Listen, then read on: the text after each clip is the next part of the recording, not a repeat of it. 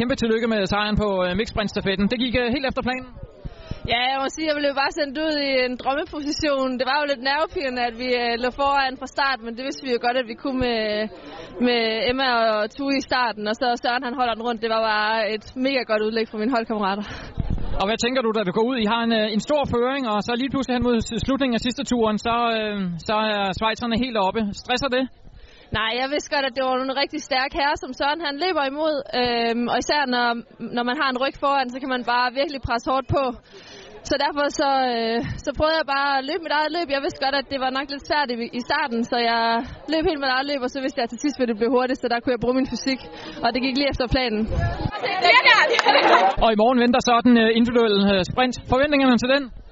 Jamen, det er jo en medalje, øh, og selvfølgelig helst en af guld, men øh, nu må vi jo se, det er nok en lidt anden udfordring, der bliver i morgen, og jeg tror, at arrangøren har fundet på noget rigtig svært.